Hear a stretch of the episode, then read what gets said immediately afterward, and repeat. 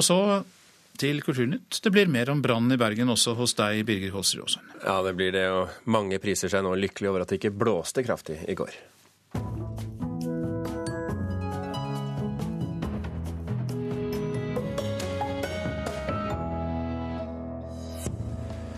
Umistelige kulturminner kunne gått tapt under brannen i Bergen i går. Bymuseet i Bergen puster lettet ut i dag.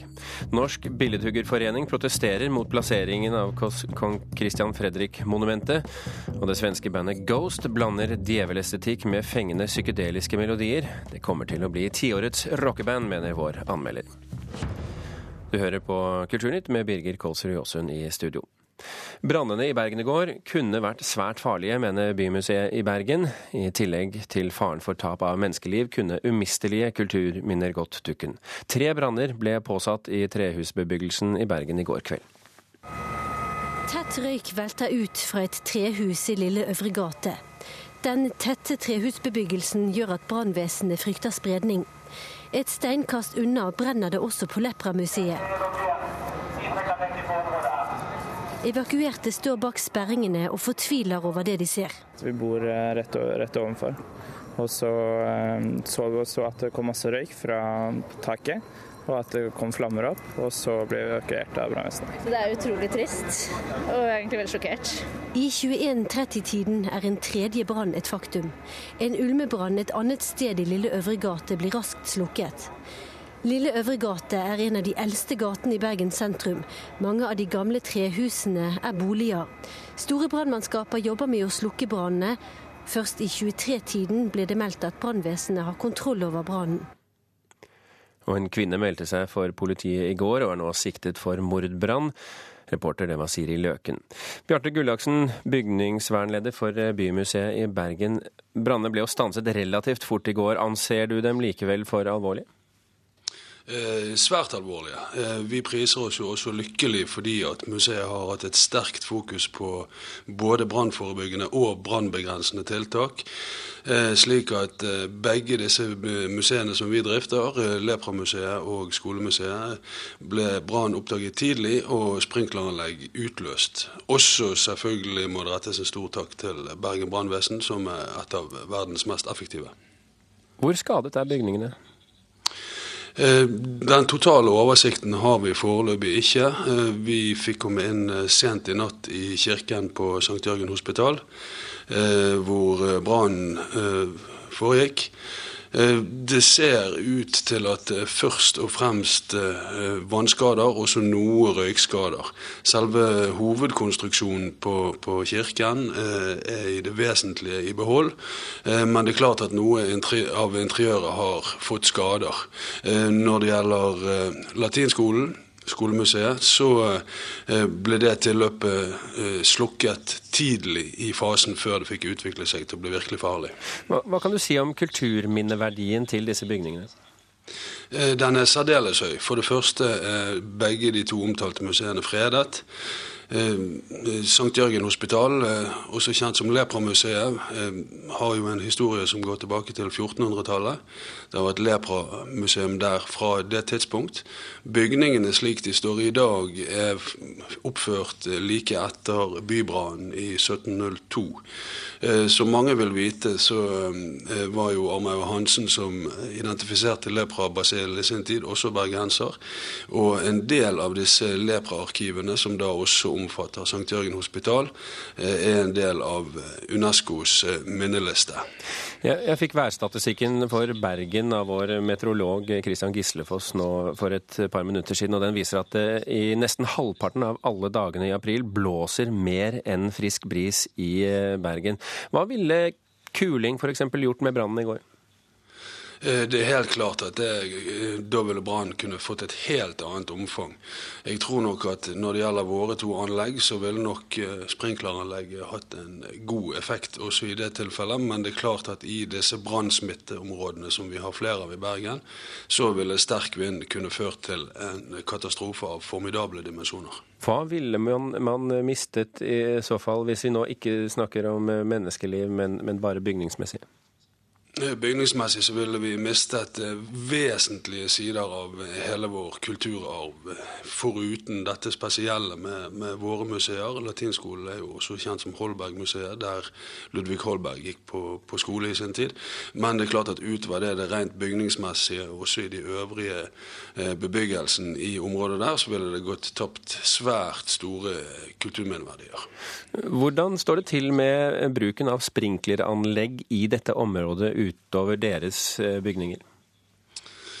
Eh, jeg kjenner ikke veldig godt til eh, hvordan det er i privatboliger rundt omkring, men jeg tror nok at de fleste institusjoner av noen størrelse har et fokus på dette, og antagelig også sprinklet. Når det er sagt, så vil jeg jo både håpe og anta at også de aller fleste privatboliger i det minste er utstyrt med røykvarslere. Bjarte Gullaksen eh, fra Bymuseet i Bergen, tusen hjertelig takk for at du kunne være med i Kulturnytt.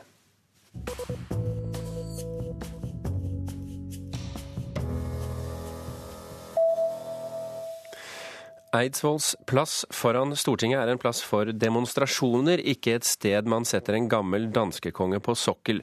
Det mener Rødts Bjørnar Moxnes. Han får støtte av Norsk Billedhoggerforening, som mener den omstridte statuen av kong Christian Fredrik ikke må få stå permanent midt på plassen, men heller eh, finne seg et sted litt i utkanten. Så det er jo mange statuer her. Det er jo Wergeland står nederst. Eh, mot Nationaltheatret. Så er det Hambro ved Stortingsgata. Og så er det Mikkelsen.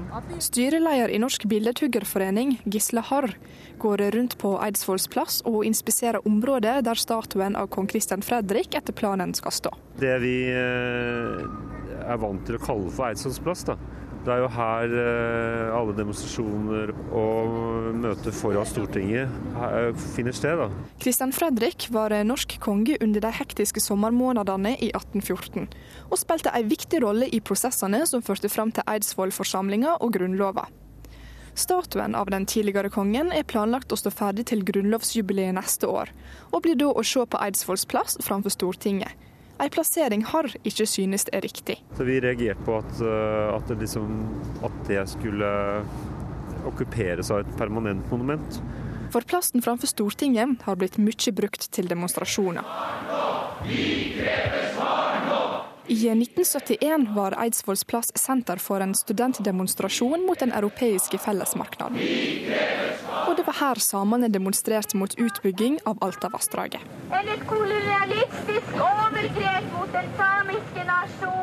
Leder for partiet Rødt, Bjørnar Moxnes, mener at Eidsvolls plass bør være en plass for folkeviljen, og stiller seg kritisk til plasseringa av Christian Fredrik-monumentet. Det er jo en viktig plass for eh, mange grupper som eh, ønsker å fremme sine standpunkter overfor eh, Stortinget. Og det bør etter mitt syn forbli en plass først og fremst for, for folkeviljen, og ikke en plass der man skal sette tidligere danske enevoldskonger på sokkel. Tidligere i år trakk tre kunstkonsulenter seg ut av juryen fordi de var uenige i om statuen skulle forestille Christian Fredrik sjøl, eller være mer abstrakt. På innstilling fra Billedhuggerforeningen ble det da innstilt tre nye jurymedlemmer. En av de andre jurymedlemmene, Per Kristian Foss, har tidligere uttalt til Kulturnytt at selve utseendet til statuen er viktig. Jeg tror det er to ting. Det ene er at uh, utkastet bør ligne litt på den daværende kong Kristian Fredrik. Uh, og det annet er at uh, statuen skal stå på Eidsvolls plass, hvor den står i nærheten av to tidligere stortingspresidenter statuer som også er laget i de siste 20 årene. Statuen av kong Christian Fredrik er en gave fra regjeringa til Stortinget i forbindelse med grunnlovsjubileet i 2014. Plasseringa av monumentet, på Eidsvolls plass, er noe stortingspresident Dag Terje Andersen ikke tror vil ha noe å si for den demokratiske betydninga til plassen. Ja, Plassens demokratiske funksjon kommer overhodet ikke til å bli svekka av det. Billedhoggerforeningen har fått eh, anledning til å plassere statuer midt på den plassen, akkurat der som statuen av Christian Fredrik kommer til å stå. Eh, så det har flere ganger stått statuer der uten at det har vært noe problem i forhold til å gi demokratisk uttrykk for sine synspunkter overfor Stortinget, og sånn kommer det til å fungere òg framover. Reporteren du hørte her, det var Camilla Yndestad. Klokken er 30 eh, sekunder unna kvart over åtte. Du hører på Kulturnytt, og dette er toppsaken i NRK Nyheter akkurat nå. Nordmenn bruker mer av inntekten sin på transport enn andre europeere, og samtidig er norske veier svært dårlige. Det har blitt dyrere å fly, billettene har steget kraftig i pris, spesielt på det norske innenriksmarkedet. Følg med videre i Kulturnytt, så skal du få høre at det har tatt sin tid, men etter 400 år kommer Shakespeare-komedien 'Når enden er god er allting godt' endelig til Norge. Vi skal også snakke litt om eh, Satan Pop, så det er gode grunner til å holde seg her på eh, P2. Men først skal vi til eh, filosofiens verden, for i år er det 200 år siden den danske filosofen Søren Kirkegaard ble født. Dvs. Si 5. mai er det 200 år siden, men allerede denne helgen feires jubileet her i Norge. Marius T. Mjåland, leder av Kirkegårdsselskapet. Hvorfor feirer vi egentlig kirkegårdjubileet her i Norge? Ja, Kirkegård er eh, den eneste nordiske filosofen av betydning, må jeg si. Og i tillegg så er han en uh, viktig forfatter som har hatt stor påvirkning på, på norsk litteratur. Helt siden Ibsen, Kielland, Bjørnson. Og etter det så har faktisk Kirkegård på en veldig spesiell måte preget norsk kulturdebatt. Han eh, var en ideolog for, eh, for kulturradikalerne siden Brandes, og samtidig så var han pietistenes mann. Så han sto i grunnen på begge sider av en viktig kulturkonflikt i Norge. Hvordan skal dette feires nå i løpet av helgen? Det blir et veldig mangfoldig eh, jubileum eh, som har sin base oppe på Lysebu eh, og arrangeres av Norsk, eh, Fondet for norsk samarbeid sammen med Kirkeselskapet. Eh, men først skal vi på Munch-museet og høre et foredrag om Kirkegård og Munch. Altså, Seminardeltakerne skal busses rundt hele helgen, skal de? Ja, der har vi bestilt busser, og de skal få oppleve de ulike sidene ved, ved den mangfoldige Søren Kirkegård. Altså, og Munch eh, selvfølgelig preget av angstbegrepet til Kirkegård? Ja. Skrik het jo først fortvilelse. og Man kan lese i dagboka hvordan han hadde lest Kirkegård, og der sitt sett angstbegrep og uttrykker det i bildet. Og så til operaen, så til uh, Oslo Domkirke. Nasjonalbiblioteket. Der er det en liten utstilling av uh, originaltekster. Kirkegårds første trykk og brev til Regine, hans uh, kjære, som nå er uh, tatt opp fra Danmark. og Der skal det også lanseres to nye bøker, en om Kirkegård og Norge, og en om forfattermøter med Kirkegård, som kommer i dag. Hvor stor er interessen for Kirkegård i Norge i dag? Altså, Kirkegård er jo den enkeltes mann, så det er mange som har lest Kirkegård. De fleste kjenner et Kirkegård-sitat, altså typen eh, 'livet må leves forlengs og forstås baklengs'. Eh, men det er en overraskende bred interesse, merker vi også f.eks. blant eh, terapeuter, som har lest Kirkegård om hjelpekunsten. Dette med at du må møte et menneske der hvor det er, og ikke ovenfra og ned. Uh, og I neste uke skal vi også ha et seminar på Gaustad sykehus med over 100 deltakere om akkurat det. Hvem bruker ham i dag, da? Altså, du nevnte terapeuter. Det er vel også et knippe forfattere? Ja, som det dere, er det. Som dere skal ha med nå i seminaret? Det er det faktisk. Altså, Dag Solstad eh, har flere bøker hvor han tar opp eh, Kirkengård. Og Vigdis Hjorts siste eh, roman den er jo basert på Søren Kirkengårds tenkning, altså 'Leveposttornet'. Eh, vi har også Hanne Ørstavik og Gro Dale, som begge har skrevet tekster om Kirkegård og er opptatt av hans tenkning. Eh, er det fullt på dette seminaret? Kan folk bli med fremdeles? Det er faktisk fullt på Lyseby. Vi er over 120 stykker. Men eh, det er mulig å delta på ting som skjer nede i byen. Altså Munchmuseet og Nasjonalbiblioteket i dag, Operaen i morgen, Domkirken søndag kveld. Der kommer også Nils Jørgen Cappelørn og skal ha en samtale om, om Kirkegård. Da kan man gå inn og se programmet på skal vi se, kirkegård.no. Kirkegård.no, ja. Da eh, takker vi så meget for det, og gratulerer får jeg si da til eh, deg for at Kirkegård nå er 200 år. Kunne vært 200 år, kunne aldri vært 200 år, men ja. ville blitt. Marius til Njåland, tusen hjertelig takk for at du kom til eh, Kulturnytt. Vi skal Vi var nå 200 år tilbake i tid. Vi skal 400 år tilbake i tid fordi Norges fremste Shakespeare-eksperter sier på høy tid. Det har gått 400 år siden eh, verdens fremste dramatiker skrev eh, stykket 'Når enden er god, er allting godt', og nå setter Rogaland Teatret opp for første gang her til lands.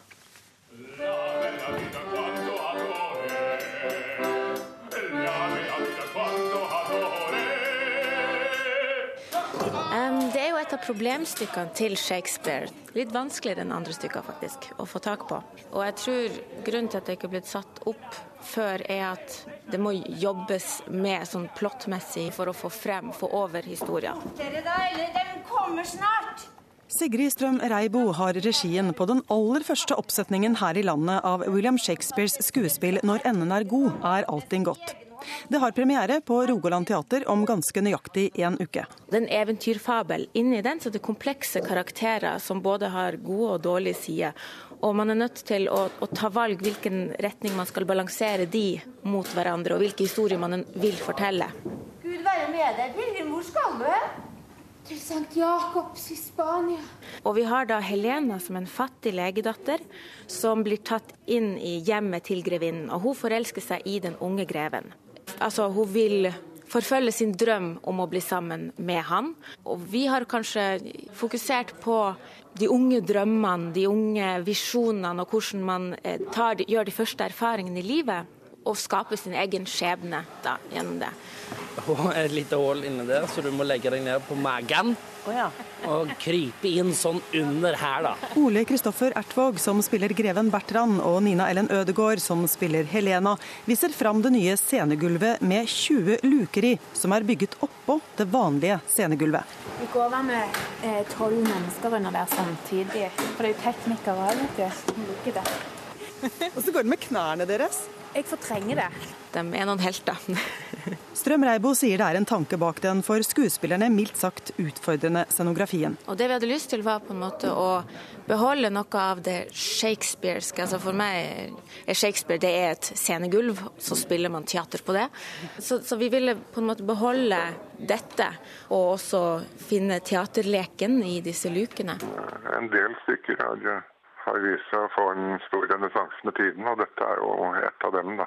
Så, sånn sett også så er det på høy tid at vi får se det også i Norge. Det sier Erik Bystad, en av Norges fremste Shakespeare-eksperter. Han har gjendiktet både skuespillene og sonettene til norsk, og han sier det er interessante teorier om bakgrunnen for nettopp 'når enden er god, er allting godt'. Visse teorier går på at uh, Bertram, som er hovedpersonen, er et nydportrett av uh, Henry Risley, tredje jarl av Southampton, som var eh, Shakespeares mesen, og som mange også mener eh, var eh, at de var i et forhold. Og en teori som nok en del fester litt til, er at Shakespeare utformet denne Bertram-skikkelsen som et slags nydportrett for å ta litt hevn på jarlen. Som han ble forsmådd av, da. Med nyskrevet popmusikk av Simon Revholt og skuespillerboyband på scenen byr Sigrid Strøm Reibo og Rogaland Teater på en modernisert versjon av Shakespeares klassiker. Shakespeare er fysisk. Er, når du spiller Shakespeare, så spiller du han ikke liksom engang fra magen, men fra kjønnet ditt og gulvet. Gjennom hele kroppen. Ja, nei, jeg elsker Shakespeare. Det sa regissør Sigrid Strøm Reibo til reporter Anette Johansen Espeland.